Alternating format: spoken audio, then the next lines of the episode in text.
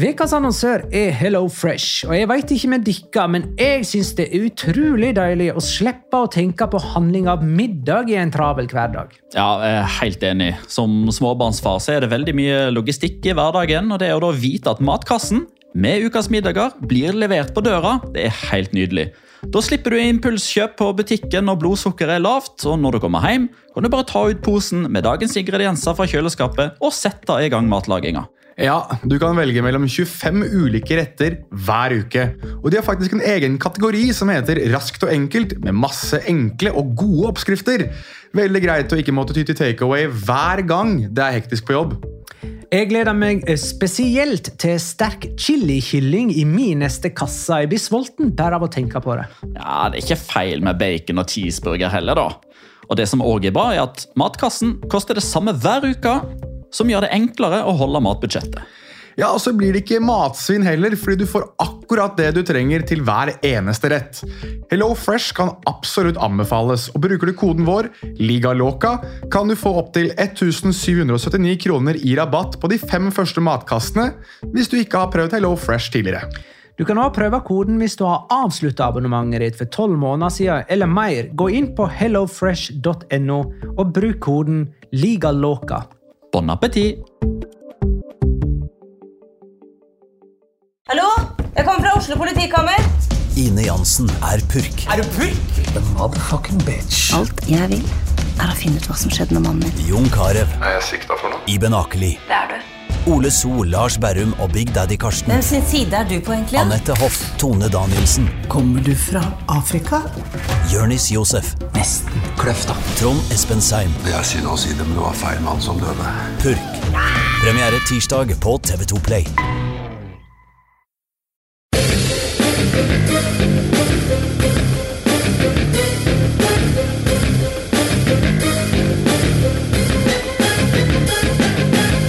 Har du sett?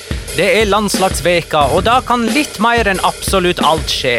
Spania kan tape mot vår søte storebror, spillere kommer tilbake til klubbene sine med skade, med mindre de har spilt kamper som bare varer i seks minutter, eller skulle spille kamper det ikke ble noe av pga. militærkupp.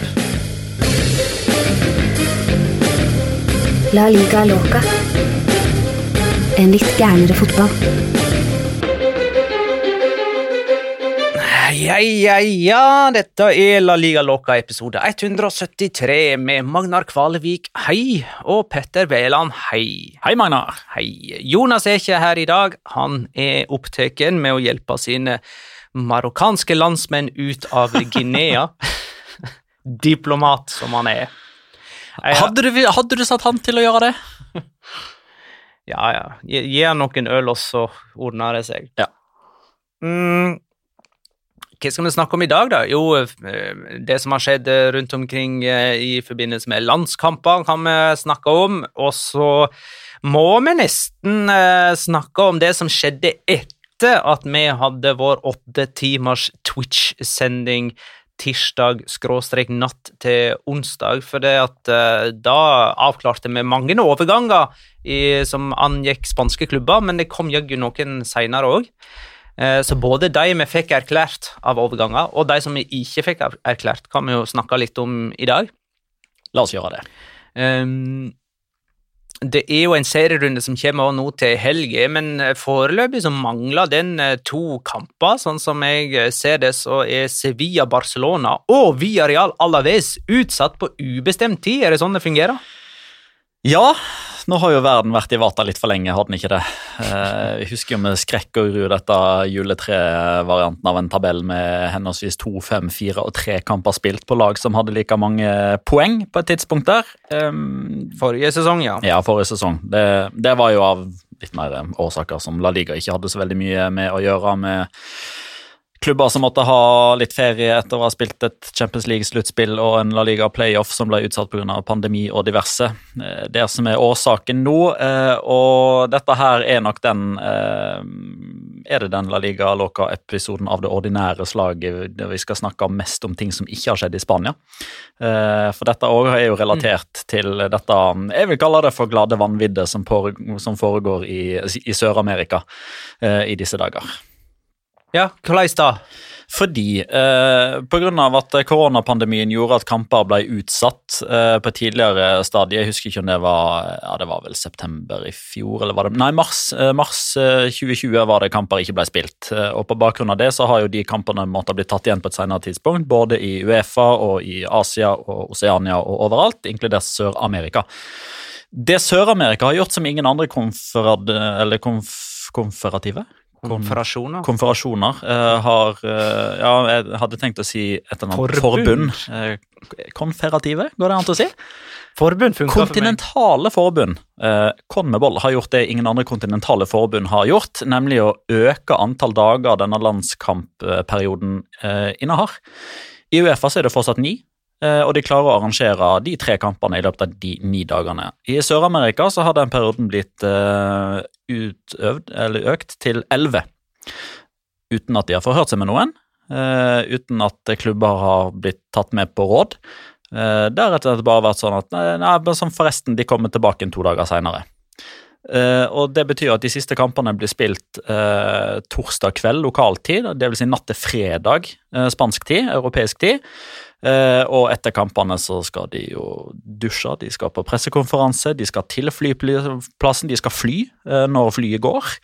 Så det gjør at de er ikke tilbake igjen før et godt, godt stykke ut på fredagen. Får ikke vært med på noen økter før det eventuelt er kamp. Og Det betyr at eh, de klubbene som har mange søreuropeere, får jo da Amerikanere. Søramerikanere. ja, søramerikanere de får jo da eh, sine konkurransevilkår rocka med. Eh, det er jo da La Liga sin eh, grunn til å i utgangspunktet forsøke da å få hele dette eh, sammensuriet både utsatt og avlyst og, eh, og arrangert på andre måter. De forsøkte jo på et tidspunkt å gjøre sånn som Premier League og nekta sine spillere å dra. Eh, Premier League klarte jo på sett og vis å gjennomføre det på bakgrunn av at det da vil være innreisekarantene på 14 dager når de kommer tilbake igjen, så der har man jo sånn delvis lyktes. La Liga fikk ikke medhold i sin anke, i sin klage inn til Fifa. Eh, og har i stedet da forsøkt å ta, konsekvensen av det ved å lytte til eh, Sevilla og Villarreal, som begge har bedt om å få sine kamper avlyst, fordi eh, der er det jo både tre og fire søramerikanske spillere som da ikke kan spille mot henholdsvis Barcelona og Alaves.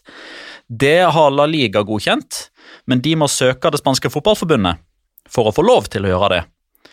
Og det spanske fotballforbundet har jo selvfølgelig sagt nei. For her har Rubiales sett en ny eh, måte å stikke kjepper i hjulene for Tebas og, og den krangelen som vi har vært inne på før. Så Sevilla, Barcelona og Villarreal Alaves er utsatt fra lørdag, med mindre det blir spilt på lørdag likevel. La Liga mener at kampen er utsatt. Det spanske fotballforbundet mener at den kampen skal spilles. Og Ingen vet i så tilfelle når, eh, fordi i, eh, i slutten av august så kom jo serieoppsettet for runde fire. Eh, helt vanlig oppsett med en fredagskamp, med fire kamper på lørdag, fire på søndag og én på mandag. Eh, alt det er jo endra nå, eh, ved at to kamper i utgangspunktet er utsatt, og så er resten av kampene satt opp Det er noen lørdagskamper, så er det primært søndag, og så er det flytta kamper til mandag. Som jo egentlig gjør at noen spanske klubber, Real Betis annet, får jo noe mindre hvile før de skal spille europacupkamper til uka. Så dette er en sånn der eh, dominoeffekt eh, der en avgjørelse eh, medfører at ting blir verre for andre klubber. David Sundell skriver blir ikke stoppa av Nakstad etter seks minutter. Vel, nå har denne podkasten vara i 6 minutter og 50 sekunder, så svaret er nei. Da har vi drevet på lenger enn Brasil-Argentina. Det vil si at nå har du vært lenger på jobb med La Liga Loca enn du var med satt i går, for du skulle kommentere den kampen. Ja, eh, jeg fikk jo heldigvis lov til å sitte lenger enn seks minutter, for Nakstad kom jo faktisk ikke og plukka meg ut av boksen, så jeg kunne jo sitte der og forsøke etter beste evne å fortelle hva som, eh, hva som foregikk. Eh, så da har vi fått vært med på det òg. Det var nytt. Ja, det, det som skjedde der, var at det var et par argentinske spillere som hadde kommet fra England. For, eh, tre stykker, vel? Fire. Fire, til og med. Los Helso, for eksempel. Mm. Og de eh, skulle jo da i karantene, egentlig, i 14 dager. Spørs hvem du spør deg, da. Ja, riktig. Eh, men de ble altså ikke satt i karantene, de ble derimot satt i startoppstilling. Eh, og så, etter seks minutter i kampen, så kom det altså myndigheter ut på banen og sa at de der har ikke lov til å spille. Ja. Det De er må- veldig søramerikansk, dette. Det er veldig søramerikansk. Det, det er veldig Altså, jeg er ikke overraska over at dette skjer med Argentina i Brasil. Og som jeg får lov til å legge til, jeg hadde heller ikke blitt overraska om dette hadde skjedd med Brasil i Argentina. Jeg er ikke overraska over at det skjer når det er disse to nasjonene som er involvert. Nei, men eh, hva blir etterspillet der, da? Jeg mener å ha forstått det sånn at Argentina hevder at de har jo ikke blitt stoppa på veien liksom inn i landet. Ingen spillere har fått beskjed om å gå i karantene. Det er liksom først seks minutter ute i fotballkampen at de får den beskjeden. Ja, eh, det er veldig mange forskjellige versjoner av hva som har skjedd og hva som ikke har skjedd, som figurerer her. Eh, Det siste jeg leste på vei inn til podkasten her nå, er jo at eh, det argentinske fotballforbundet de har jo alltid på mange måter skjult seg bak Conmebol her, som jo er satt av Fifa til å arrangere denne kampen fordi det er den søramerikanske VM-kvalifiseringa. Og Conmebol eh, de gjør jo som Uefa eh, og som CONCACAF og alle disse andre kontinentale forbundene. De forholder seg til de smittereglene, smittevernsreglene og denne såkalte bobla som toppfotballen har fått lov til å være under i godt over et år nå, som har gjort at de har fått unntak stort sett alle andre steder enn f.eks. her i Norge. Norge er jo et av de landene som har eh, på mange måter overprøvd alt det som Uefa og de nasjonale forbundene rundt omkring har, har fått innført. Her i Norge har vi vært strengere. Eh, og jeg hadde på, mange måter hatt mer forståelse for det Brasil gjorde, dersom de gjennom hele koronapandemien hadde hatt et veldig sånn strengt blikk på det med korona. Men Brasil ga jo strengt tatt blank F i hele korona i begynnelsen av eh, pandemien.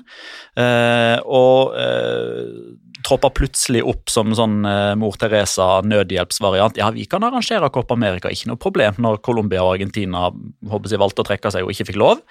Eh, og det er jo det veldig mange folk reagerer på, at det skal bli storpolitikk, og at de plutselig skal begynne å bry seg om dette her nå, når Argentina kommer. Det er der det blir eh, mange teorier og spekulasjoner om hva som er den egentlige årsaken. Argentina har forholdt seg til Connebol. Connebol har sagt at det har vært greit. Eh, det kommer òg forklaringer om at på dette innreiseskjemaet der det står eh, har du befunnet deg i et såkalt rødt eh, område, det vil si f.eks. Eh, lurer på om det er India, så er det Nord-Irland. Eh, og så er det eh, Storbritannia, og så er det én nasjon til som ikke kommer på i farten, som er deklarert som såkalt rødt land. Eh, og Der er det sånn at da skal du jo krysse av på ja hvis du har vært der, mens det argentinske fotballforbundet tolker det som er det der dere kommer fra. Eh, og det var det jo ikke det de gjorde, for de har vært innom Argentina først, og så Venezuela. De kom jo fra Caracas og landa i Sao Paulo. Og derfor så har da eh, sjefen for den argentinske delegasjonen Det er jo han som har kryssa ut for alle. Det er jo ikke Christian Romero, en, eh, Nei, Giovanni Lo selv. De fire har ikke gjort det sjøl. Her har man, altså, sånn som alltid, det er en reiseleder. Eh, ja. Men hvem som vinner denne kampen, da? Åh, -hmm. vi får se. Eh, Mm. Ja, Kampen da, blir jo på et eller annet tidspunkt spilt, da. La oss flytte den eh, til et eh, annet gunstig tidspunkt. I, eh, Det er jo det som er problemet, at det finnes jo ikke tidspunkter her. Eh, Brasil og Argentina kom jo begge til å kvalifisere seg, eh, selv uten denne kampen. her. Om begge hadde blitt stående med null, så kommer begge til å kvalifisere seg. Så du skal ikke se bort til at du får en sånn nødlandslagvariant, at spillere som er hjemmehørende i Brasil og Argentina, spiller en eller annen gang det ikke er Fifa. Kanskje de rett og slett gjorde dette for å slippe å spille kampen i det hele tatt? Den, det, den teorien var ny. Ja. Men det, men det som òg er eh, en del av oppskriften her, som gjør det så sausete, er jo at eh, de brasilianske spillerne som spiller i Premier League, de holdt seg jo i England. Eh, om de har fått beskjed om å holde seg der, eh, om det er Brasil som har vært medgjørlige og Argentina ikke medgjørlige, om det er de forskjellige klubbene i Premier League som har bestemt annerledes, at f.eks. Liverpool og Manchester United har sagt til sine brasilianske spillere vær så snill, ikke dra, for det betyr at vi mister dere i x antall kamper i etterkant, mens Tottenham ville sagt det er greit, vi forstår deres behov for å representere Argentina, og så forsøker vi å løse dette karantenegreiene når dere kommer tilbake igjen. Det kan jo hende at det har vært eh, forskjellig her, men, men det blir jo òg eh, en del av eh, denne La oss kalle det sånn konspirasjonsteorisausen, der Brasil føler at de har blitt eh, skadelidende av ikke kunne bruke Premier League-spillerne, men så kommer Argentina med fire Premier League-spillere. De føler at det er ikke like premisser denne kampen kampen her blir spilt på. Eh, de har en historikk å ta vare på med tanke på eh, kamper man ikke har tapt på hjemmebane i VM-kvalifiseringen. De har nettopp tapt en Copa America-finale mot Argentina. Det går veldig mye stolthet i dette her. Og det er jo årsaken til at Lionel Scaloni og Lionel Messi står underveis eh, med mikrofoner i nærheten, så de, de skjønner jo at dette her blir Det kommer ut i Brasil, og Argentina, over hele verden. Hvorfor Hvorfor kommer dere ikke og henter oss før? Hvorfor henter dere når kampen har gått fem minutter? Jo, det er fordi hele verden står og ser på. Eh, og Dette må òg settes litt i sammenheng. Jeg skal ikke dra det for langt her nå. Eh, dette er ikke politikkpodkasten. Men den brasilianske nasjonaldagen er jo 7. september. Og da har jo Bolsonaro og hans, altså president Bolsonaro og hans tilhengere har jo eh, oppildna eh, på sett og vis sine støttespillere til å ikke ta til gatene og demonstrere osv., men å markere at de ønsker at Bolsonaro skal få fortsette, at de må ta farvel med det tidligere korrupte Brasil osv. Så, videre. så det må ses i sammenheng med dette her òg, at akkurat nå så er det veldig viktig for de brasilianske politiske lederne å vise handlekraft. Kanskje spesielt mot Argentina. Eh, Brasil tok jo seg da bare ei treningsøkt etter disse seks kampminuttene, eh, og dermed så fikk La Liga-spillere som Eder Militao, Casemiro, Mateos Cunha, eh, Venicius Junior eh, ei ekstra treningsøkt, mens sånne som Acuna, Foyt, Angel Correa Hvem er det jeg glemmer? Geronimo Rulli. Geronimo Rulli. De fikk seg en tidligere dusj og kunne kanskje legge seg tidligere. Gonzalo Montiel, Marco Marcos Acunha. Ja, ja. Der ser du. Mm. Det er ganske mange. Ja, ja, ja. ja, ja. Eh, Christian Fredriksen spør, eh, siden vi er i landslagsmodus, hva har dere tenkt å gjøre personlig under Qatar-VM? Boikotta, se på, eller ubestemt? Godt spørsmål. Mm. Eh, det har jeg faktisk Jeg har ikke reflektert godt nok over til å ha et, eh, et svar på det. Der, der, tipper jeg at magefølelsen i det mesterskapet nærmer seg er med på å avgjøre. Jeg har ikke noe bedre svar enn det. altså. Nei. Akkurat nå så er min sportslige interesse for det mesterskapet lik null. Ja. Eh, så, men det å si at jeg ikke skal sette meg ned og se eh, kamper under mesterskapet, blir likevel litt tidlig å love, for jeg har egentlig lyst til å se hva som skjer under mesterskapet. Altså, vi ser eh, enkelte nasjoner nå, sånn som Norge, mm. protestere ja. ved å gå med T-skjorte og heve banner og sånne ting for menneskerettigheter. Men det er jo tross alt under selve mesterskapet at, det, at man viser guts med den typen budskap. Når man er hos vertsnasjonen, og når man er under Fifa-fana, mm. med Infantino sittende på tribunen. Mm. Så jeg har jo litt lyst til å se hva som skjer under selve mesterskapet, men eh, mest av politiske og ikke sportslige årsaker. Sånn akkurat nå. Ja. Jeg ser definitivt uh, hvor du vil hen. Og så tror jeg nok òg at uh, en eventuell norsk VM-deltakelse, selv om det, det, er nok større sannsynlighet for at uh, dette mesterskapet òg foregår uten norsk deltakelse, så vil det jo i så tilfelle være første gang på 22 år. det rokker nok ved ikke nødvendigvis stoltheten, men staheten til noen av de som allerede har vært ute og proklamert og sier at de skal ikke se et minutt. For ja, det kan, det kan, bli langt, dette her òg, eh, og det ønsker vi ikke at det skal være. Men jeg tenker at den jobben som eh, har blitt gjort eh, fram til nå, og det søkelyset som har blitt satt på ting fram til nå, hjelper veldig mye mer enn at Magna Kvalvik og Petter Wæland ikke sitter og ser kampene når de faktisk blir spilt. Jau, jeg bare frykter så innmari at dette blir i gåsehauget et suksess-VM, da, der Qatar får muligheten til å tegne et glansbilde av seg sjøl, og Fifa slår seg på brystet og sier at vi har gjort verden til en bedre plass ved økt fokus på menneskerettigheter, mens eh, selvfølgelig så burde jo kriteriet for å få arrangere VM i utgangspunktet være at du har menneskerettighetene på stell, og at man har en uh, forsvarlig plan for hvordan uh, man skal forberede mesterskapet. Så skaden er jo for, lang, for lengst skjedd.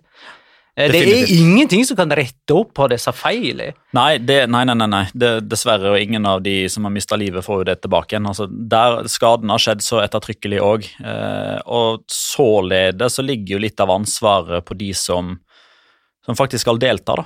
Eh, så kan godt de mene at det er urettferdig. Det Og det er godt derfor jeg har lyst til å se på det. Ja, ikke sant? Uh, Og ikke minst, selvfølgelig, uh, skulle man mot formodning ha i løpet av et drøyt år blitt en person som holder på med gravende journalistikk, som får lov til å reise til Qatar og dekke mesterskapet, da stiller det seg annerledes. Da har man en annen jobb å gjøre enn å sette spillerbørs, mener jeg. Mm. Eh, Men den gravende journalisten får neppe akkreditering, og alle de T-skjortene man har lyst til å dra inn på eh, De blir konfiskert. De blir konfiskert, det blir eh, kroppsvisitering i spillertunnelen. ja, nei, sportslig er ikke særlig engasjert i det som skjer i desember 2022, sånn per september 2021. Um, men eh, jeg må jo bare presisere at selv om jeg hadde et håp om at Norge skulle vise guts og boikotte VM, så var ikke jeg imot at de skulle delta i kvaliken. Og det aller kuleste ville jo ha vært om de kvalifiserte seg, og så sa nei takk. Eh, nå er jeg naiv eh, på så mange områder. Men kvaliken, den følger jeg altså. Bare sånn at det er sagt. Både med, eh, med norske øyne og spansk interesse. Spania de uh, tapte faktisk mot uh, Sverige. Ikke sånn kjempeoverraskende, jeg vet ikke hvorfor jeg sa faktisk der, men uh, sett i en historisk kontekst, da, så blir det faktisk ganske stort. Det var på Friends Arena, og Spania hadde spilt 66 strake VM-kvalifiseringskamper uten tap. De hadde ikke tapt i VM-kvaliken siden 1993. Selvfølgelig var det mot eh, Danmark. Det er våre skandinaviske brødre som tar skalpen eh, på Spania. Alexander Isak skåra selvfølgelig for svenskene. Hva har reaksjonene vært i Spania etter eh, nederlaget der, da? Egentlig litt det samme som under EM, til tross for at EM vel egentlig gikk over forventning. Eh, vi spådde vel maks en kvartfinale, Ja. gjorde vi ikke det? Og det ble semifinale, Mm. eh, der man eh, røyk på litt ufortjent vis, vil noen kanskje hevde, mot, laget til slutt, som, mot det laget som til slutt løfta bøtta.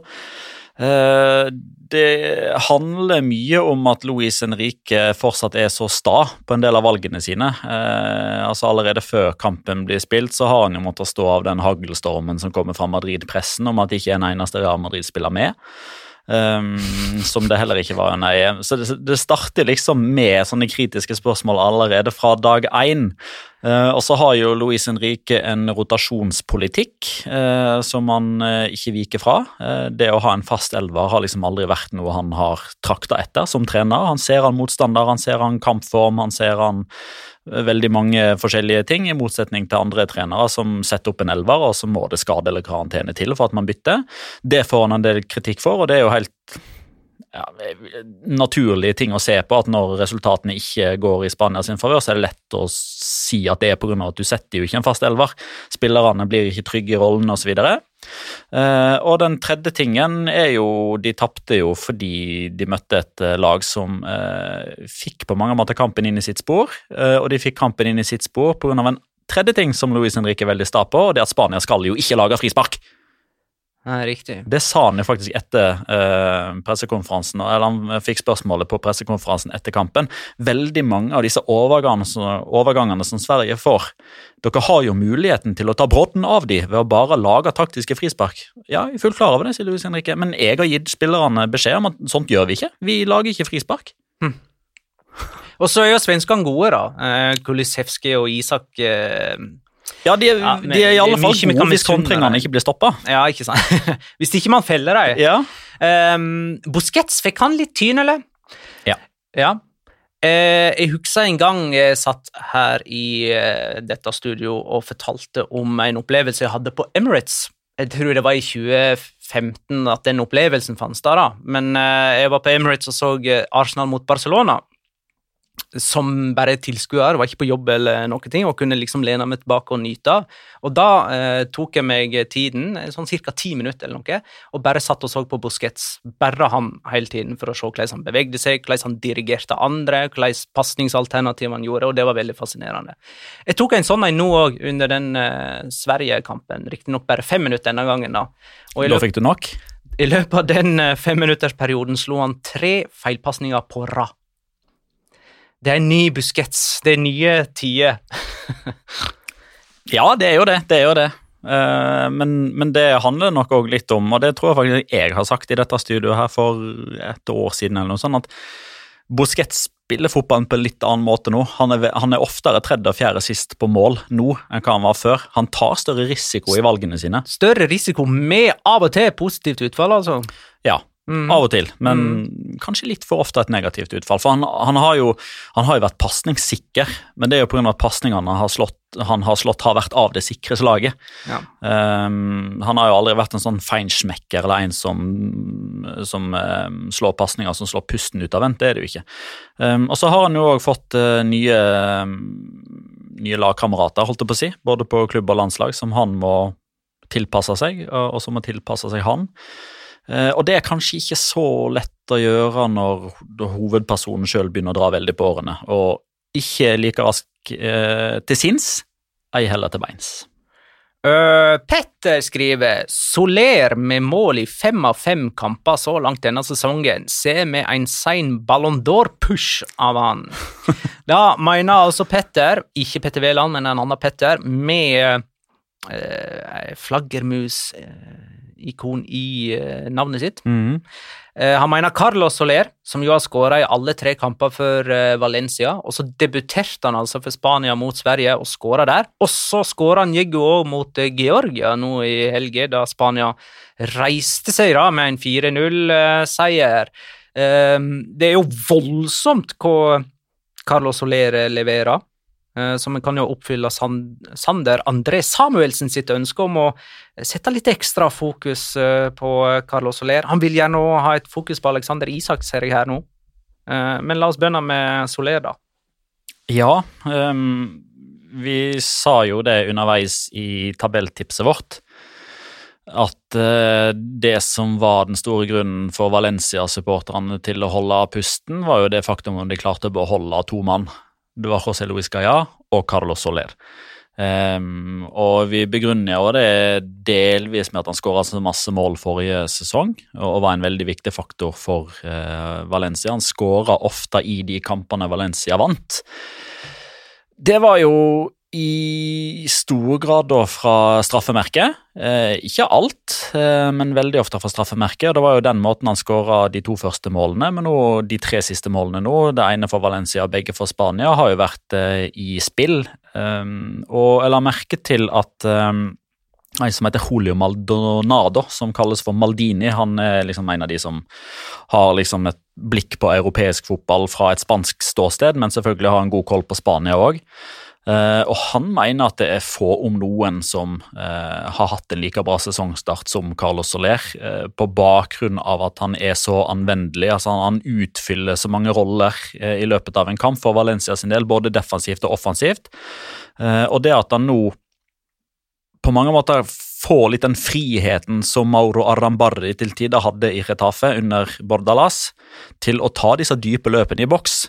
Eh, Det har jo frigjort veldig mye potensiale hva angår målpoeng for Carlos Soler. Du ser at han veldig ofte kommer på disse godt tima løpene, som gjør at han kommer i skåringsposisjon, og derfor òg skårer oftere fra etablert spill. Og så har Han jo begynt å eh, Han skåra jo på flesteparten av straffene forrige sesong òg, men de satt med hjertet i halsen hver gang, for keeper var på den stort sett hver eneste gang. Nå har han begynt å kamuflere litt bedre hvor han faktisk setter 11-meterne sine. 24 år gammel Carlos Soler. Ser voksen ut uh, nå. Ser, ser ut som den kapteinen Valencia trenger Ja, etter Parejo, liksom. ser voksen ut, ja, på, på flere måter. Altså, han tar jo mer ansvar, er kapteinsemne. Han, uh, han tar i et tak, men jeg syns òg at han begynner, han begynner å se voksen ut. Altså i utseende og i passform, holdt jeg på å si. Altså, han har åpenbart gjort en god jobb uh, i Japan. Eh, han, han, var jo med under OL eh, for, eh, for Spania òg.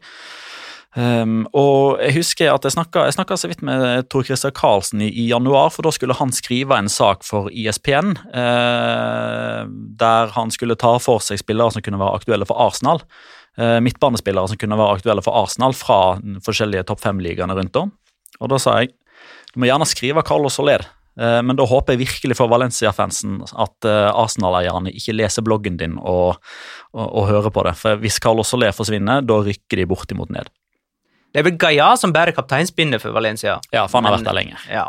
Det er jo bare symbolsk. Ja, Og nå er jo, nå er jo han skada. Ja, jeg skal akkurat til å si det. Eh, Ronny eh, Litt usikker i farten på om det er Ronny Sol eller om det er Ronny S0L. Eh, men han eh, skrev til meg på Twitter underveis i kampen i går at nå er jo oi, Valencia delt tabelltoppen, de kjøper spillere, og Gaia skårer, Carlos Soler skårer. Hvordan skal dette ende? To minutter tok det, så hinka Gaia av.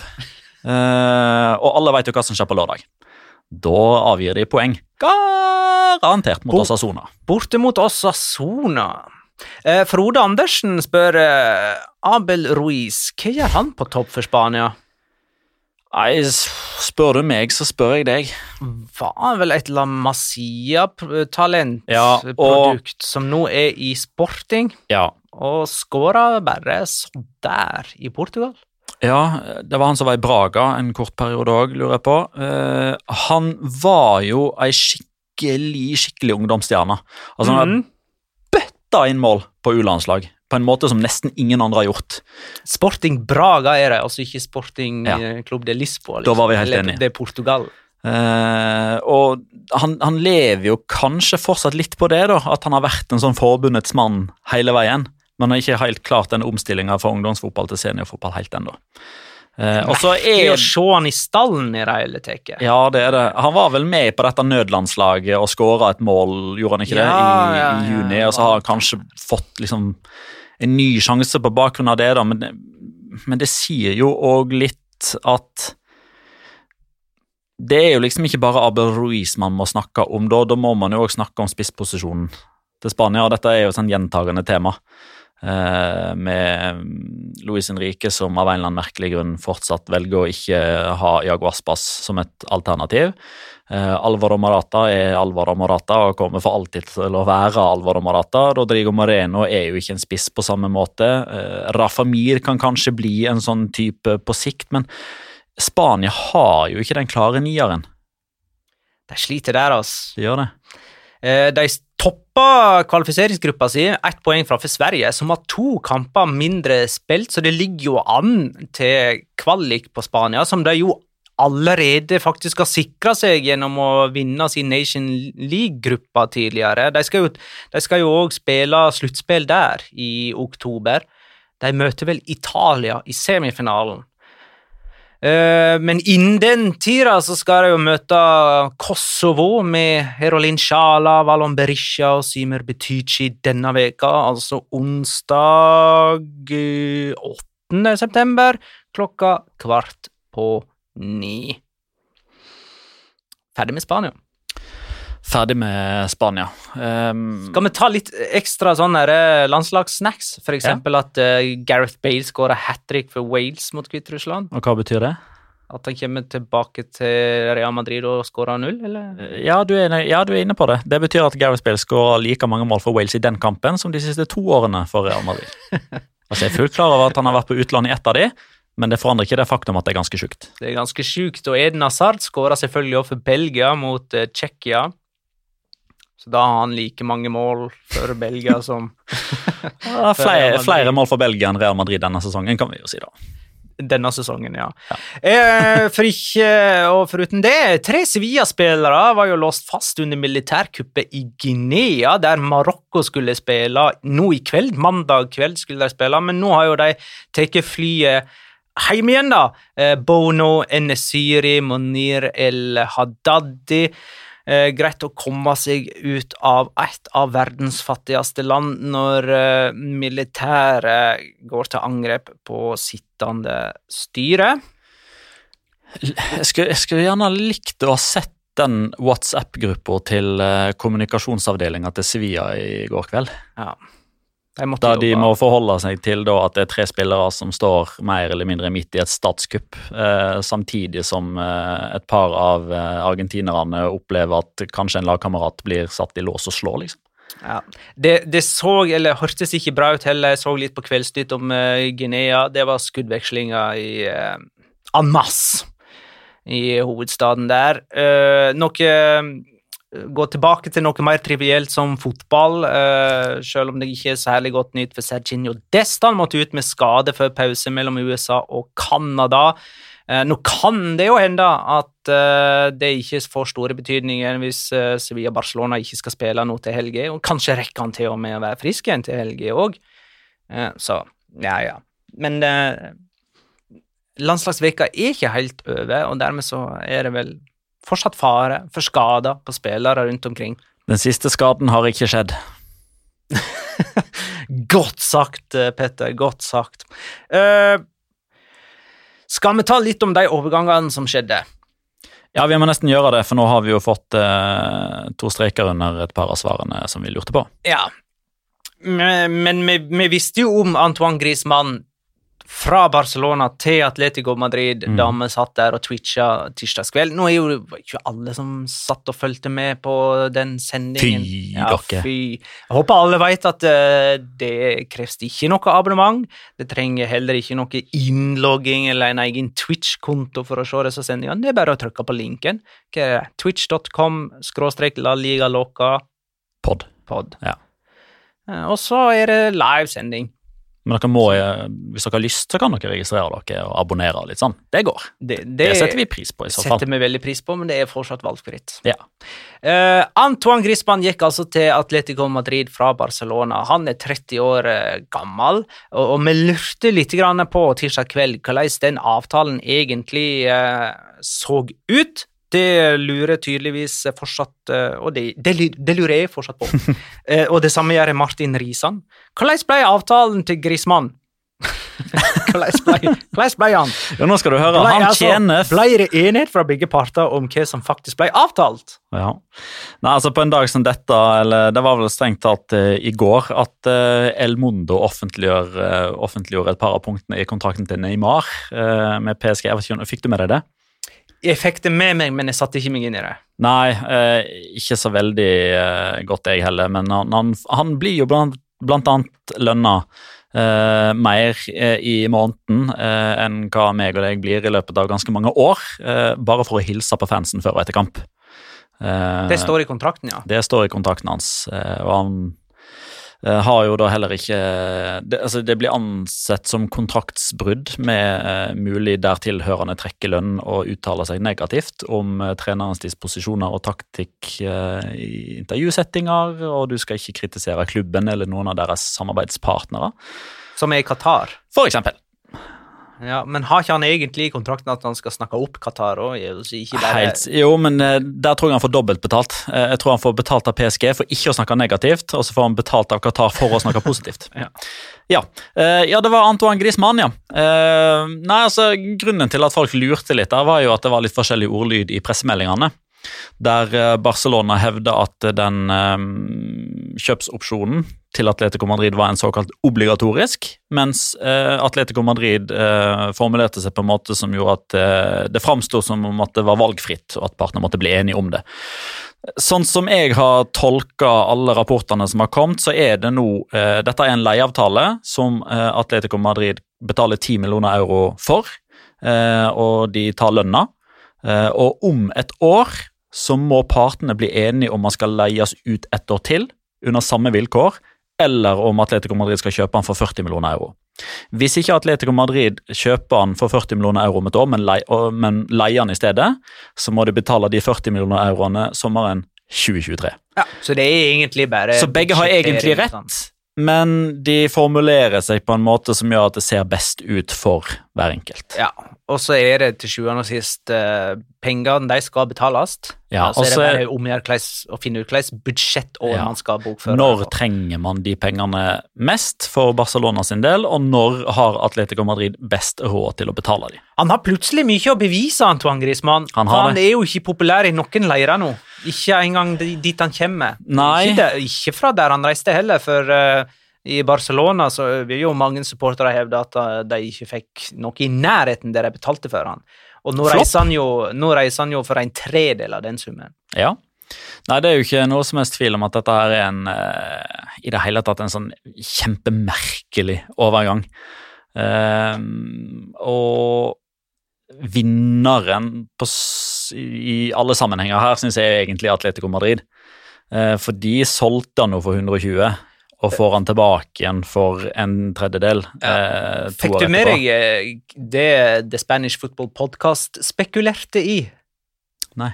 De spekulerte i Dette er jo Phil eh, Sid Lowe og Phil Kitromelidis. Eh, de spekulerte i om eh, Diego Simione bare satt og venta til overgangsmarkedet nesten stengte, og så gikk med en forespørsel til Barcelona og hørte eh, er de ikke interessert i å selge Grismann, eller? Bare sånn for å sjekke hvor desperate Barcelona er etter penger Ja, og hvor ja. lite man kan få eh, eller betale for en sånn spiller, da. ja. Det er spekulasjoner. ja jo, Men- jo, men, jo, men det er jo noe med to- hvordan situasjonen Barcelona har satt seg i, som gjør at eh, de på en måte blir litt sånn lett bytte for Ja. eh, klubber som er interessert i spillerne deres. Definitivt, og, og de to er jo heller ikke personer som bare tar ting fra løse lufta Nei. og, eh, og setter ut rykter, liksom. Det, det er det jo ikke. Eh, Det er, han var jo på vei dit i juli òg, Antoine Griezmann, men da var det jo snakk om en mulig bytteavtale med Saul andre veien. Mm. Eh, Men det er jo ikke noe tvil om at eh, Barcelona er i en posisjon der eh, skal vi si absolutt alle, bortsett fra Ansu Fati og Pedri, per definisjon er til salgs. Og det er klart at når, når Antoine Griezmann da har ikke klart å opparbeide seg et veldig godt rykte blant fansen, det er en spiller som sitter på veldig høy lønn, det er en spiller de fortsatt har stor amortisasjon på, altså eh, overgangssummen hans er ikke i nærheten av å være nedbetalt ennå, basert på hvor stor summen var og hvor mange år kontrakt han hadde igjen. Eh, så det, der, der satt jo Atletico Madrid med, med alle gode kort på hånda, og det vet jo Diego Simone. Og Julius skriver hvor mye skader det egentlig eh, for Barcelona at Griezmann eh, reiser? Kan det hende at man kan finne en løsning med Anso, Depay, Aguero, Coutinho, Dembélé og Demir, som er bedre enn Griezmann har vist denne sesongstarten? Altså, dette er jo primært en dårlig økonomisk deal for Barcelona, men samtidig en god økonomisk deal for Barcelona, fordi de trengte pengene nå um, for å komme på, på riktig side av lønnstak og for å ha litt slingringsmonn i januar.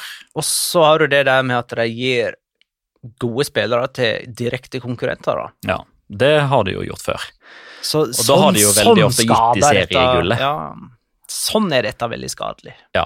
Um, heldigvis for Barcelona da, så ser jo Memphis Depay ut som en million, Mm. eller milliard er vel eh, kanskje riktigere å si i denne sammenhengen. Og så er jo eh, spørsmålet da rundt sp- spillerne som Julius lista opp her. Ansu Fati, veit vi at han holder en eh, sesong? Coutinho, hvor ofte blir ikke han skada? Dembélé orker ikke å gå inn på engang. Aguero er skada akkurat nå.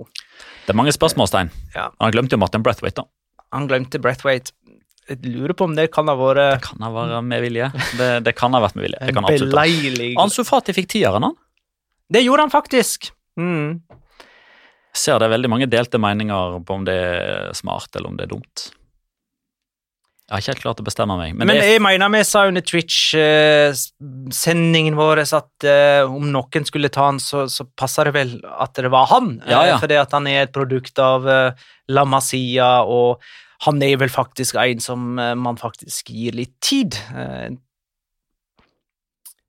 altså, man, man skjeller ikke ut Ansu Fati etter en dårlig kamp, sånn som man skjeller ut Antoine Griezmann etter en dårlig kamp. Helt riktig. Man har større aksept for dårlige dager. Ja.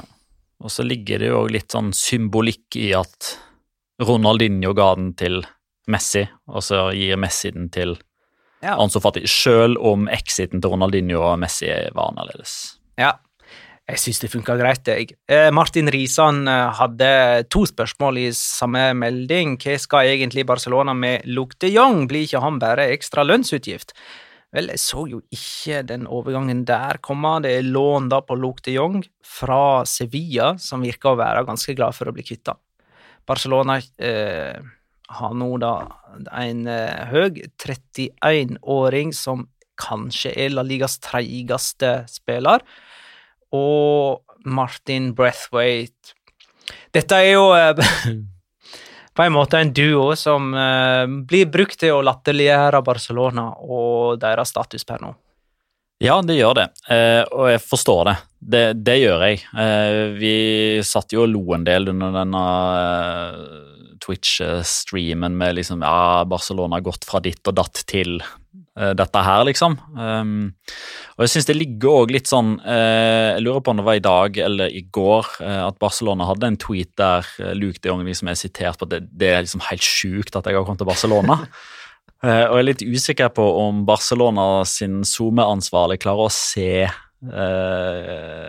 det morsomme i nettopp det sitatet der, for det er jo helt sjukt at Luke de Jong spiller for Barcelona. Eh, det er jo noe enhver spiller ville ha sagt antageligvis, men, men der er det liksom sånn Ja, det er det faktisk, Luke. Det er faktisk helt sjukt.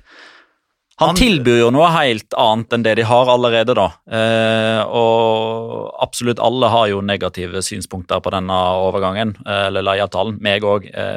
Det er jo en spiller som ikke skal være god nok til å ikle seg den drakta. Så ærlig må vi være.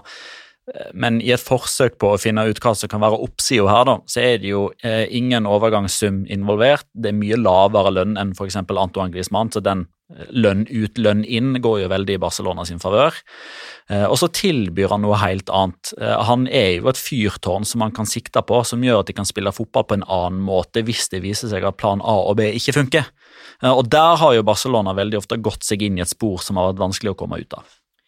Da har Lukti de lagt bak seg to sesonger i Sevilla og til sammen skåra ti mål i La Liga. Mm, Men han blir huska for å skåre ganske viktige mål i ganske viktige oppgjør, selv om han aldri kom opp mot eh, PSV-siffer. Han skåra jo 28 mål i Eredivisjon i sin siste PSV-sesong før overgangen til Sevilla. Vet du hva, Jeg melder eh, Luke de Jong-skåring i El Clásico jeg nå. Jeg melder Ja. det her og nå. Den Luke de Jong skårer i eh, ett av de to El Clásico-oppgjørene denne Skal vi sesongen. se, det er 6. september 2020 Og Bakgrunnen for det er jo, som du er inne på, Magnar, at han, han skårer ikke nødvendigvis så mye. Men han skårer mot Betis, han skårer mot både Atletico Madrid, Barcelona og Real Madrid, og han skårer i Europa League eh, var det både kvart semi og finale. Han hadde i alle fall et, eh, et Jo, jo, eh, eh, lukrativt utvalg Mener det var både i semifinale og finale av Europaligaen. Så, og, og, liksom, og det eneste eh, uviktige, men viktige mål. altså, Han ble jo òg matchvinner hjemme mot Levante, husker jeg. Da satt vi og spiste eh, i Bilbao eh, og så kampen på storskjerm der. Så da, jeg husker liksom den skåringa òg, selv om den skiller seg litt fra å bli matchvinner i El Grand Derby og Europaligafinale osv. Men da har jeg skrevet Luke de Jong skåra i El Clásico, uh, Petter sitat. Mm. Uh, og det var ikke noe sånn første El Clásico, eller liksom bare Nei, en av, eh, en av de to Ok, serieklassikerne. Ok, Nei, altså eh, ja. ligaen. Ikke noe sånn Copa del Rey, eller Jeg kunne ha gardert meg med det, men, men da får det heller være bortforklaringa mi i mai, hvis den ikke går Nei, nei, nei, nå har jeg skrevet ned, presisert at det er i ligaen, ja. Ja, ja. Det må du bare gjøre. Eh, så eh, til de overgangene som vi ikke fikk eh, nevnt, nemlig de som har vært ute av kontrakt, eller som har løst kontrakten med sine nåværende klubber, og så signert for nye klubber etter at overgangsmarkedet stengte, sånn som Skodran Mustafi, for eksempel, som skal spille for Levante. Eh, Dere husker han. Han har spilt i Valencia og Arsenal, og sist i Schalke 04. Han spilte i Sampdoria òg.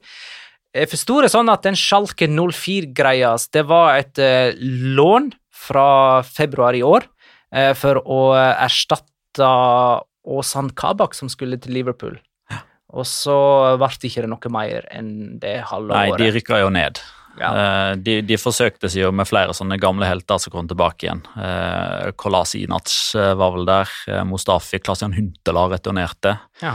Men uh, utgangspunktet var jo så bekmørkt i utgangspunktet, og de rykka ned med klar margin. Ja, øh, og så skal det sies at han gikk til Schalke etter at Arsenal-kontrakten hans ble terminert, sånn forstår jeg det. Ja.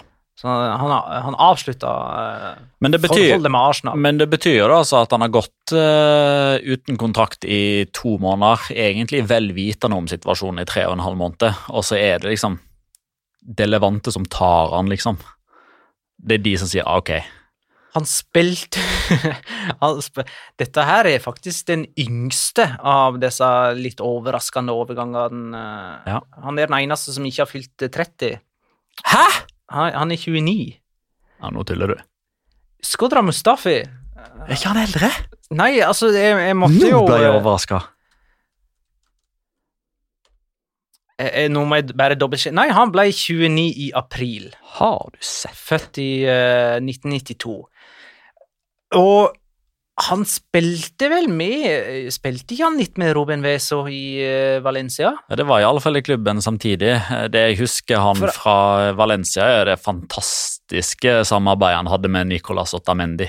Og det ble liksom ikke helt det samme da Ottamendi reiste og Mustafi Nei, de gjorde ikke det. De to fikk det beste ut av uh, hverandre.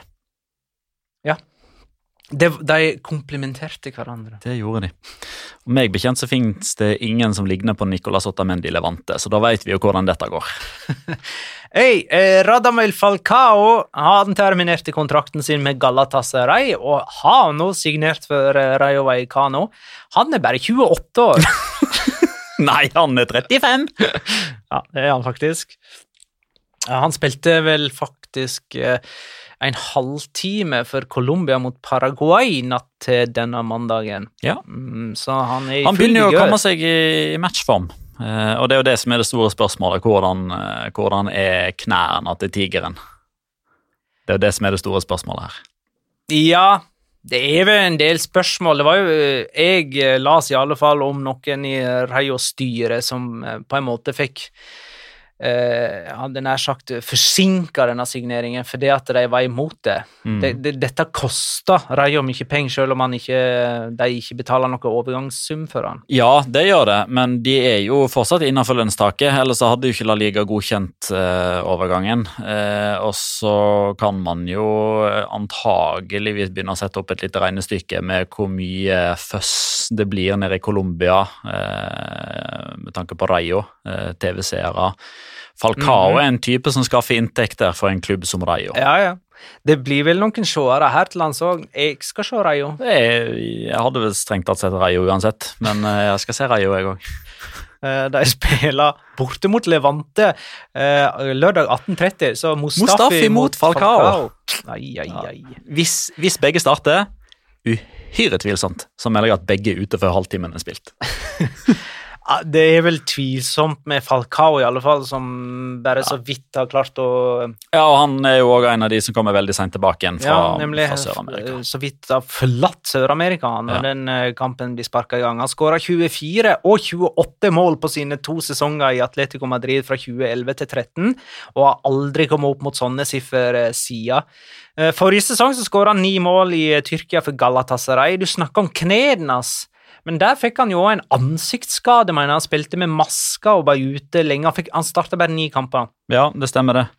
Men jeg håper å si sånn, eh, med mindre det er sånn gjentakende hodeskade, så er liksom ikke sånn altså Ansiktsskade er ikke nødvendigvis sånn repeterende som kommer tilbake igjen. Det er derimot disse kneskadene Nemlig. som har eh, nemlig. Hey, en vi ikke har nevnt enda, og det får bli siste i denne omgang, kanskje. Javier Pastore til Elche. Det er mange gamle helter som eh, finner veien til Skal vi være snille og si middelmådige spanske klubber, eller? Ja, men det er de jo. Jo, jo, men altså, alt må ses i sin kontekst Jeg, jeg lurte nesten på om det var litt under middelmådig òg, at vi snakker sånn nedrykkskandidater over hele linja, da. Ja, men det er de jo. Det er det jo, men, vant det kanskje men, litt sterkere enn det. Ja, definitivt. Eh, Men altså, Rayo har jo fått en, en eh, Altså Det blir jo selvfølgelig visse om at det dersom at det, men dersom Falcao holder seg skadefri Dersom Falcao spiller 30 kamper denne sesongen her, så, så kan jeg vanskelig se for meg at Rayo rykker ned. Og det er jo eh, av enkle matematiske årsaker. La Liga er den ligaen i topp fem, si topp seks nå, da, eh, siden Frankrike og Portugal krangler om sisteplassen der.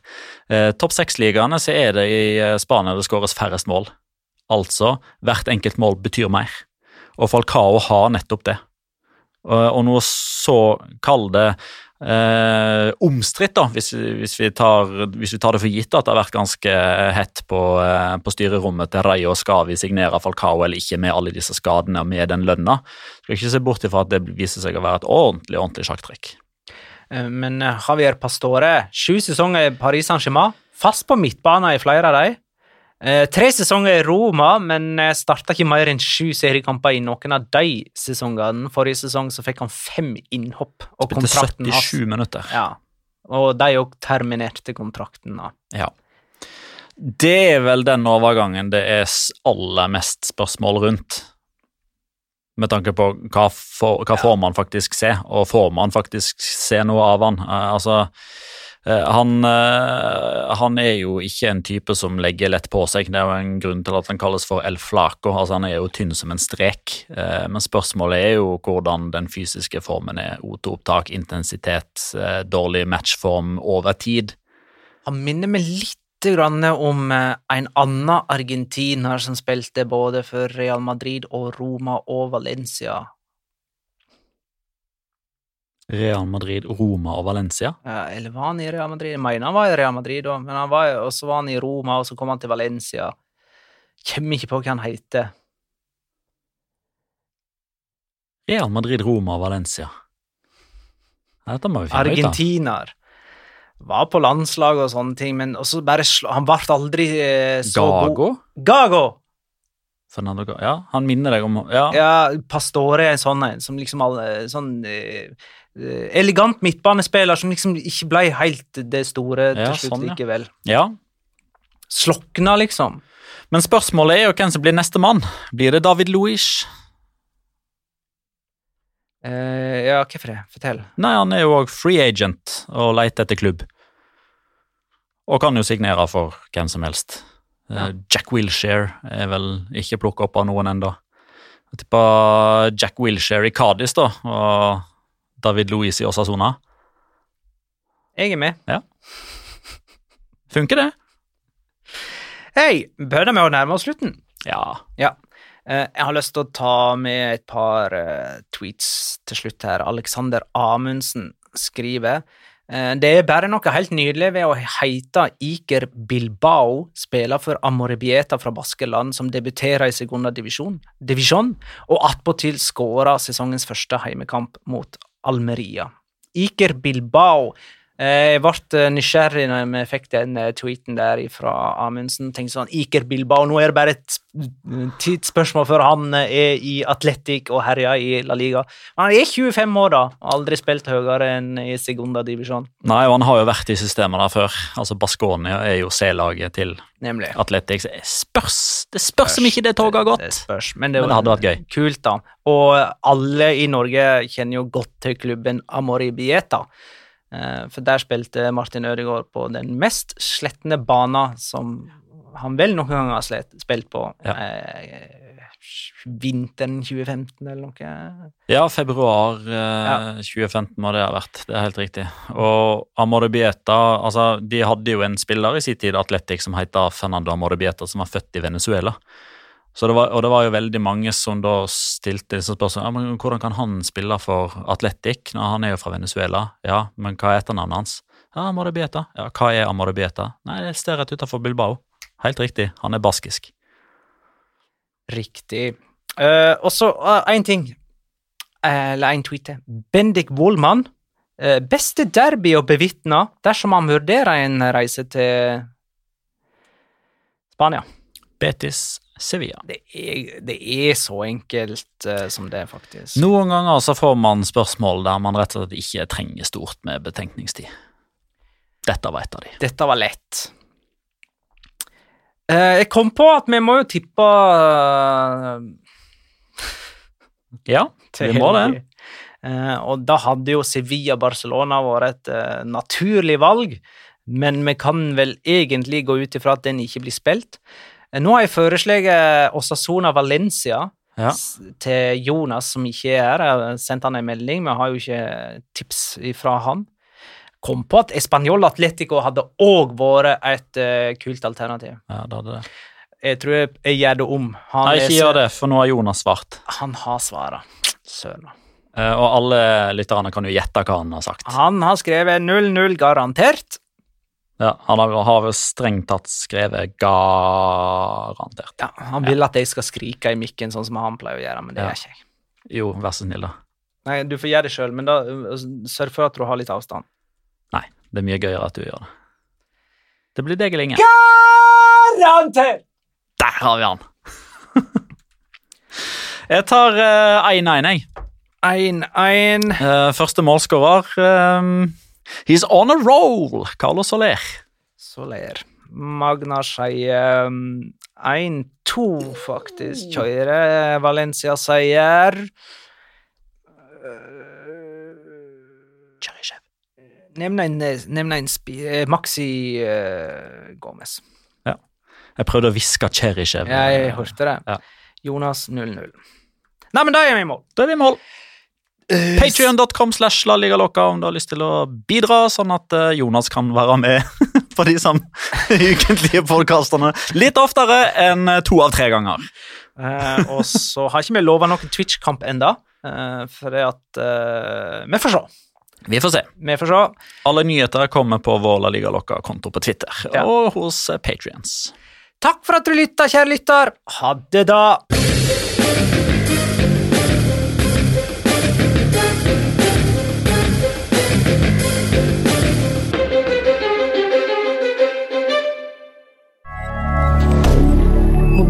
Media. Har du et enkeltpersonforetak eller en liten bedrift? Da er du sikkert lei av å høre meg snakke om hvor enkelt det er med kvitteringer og bilag i fiken, så vi eh, gir oss her, vi. Fordi vi liker enkelt. Fiken superenkelt regnskap.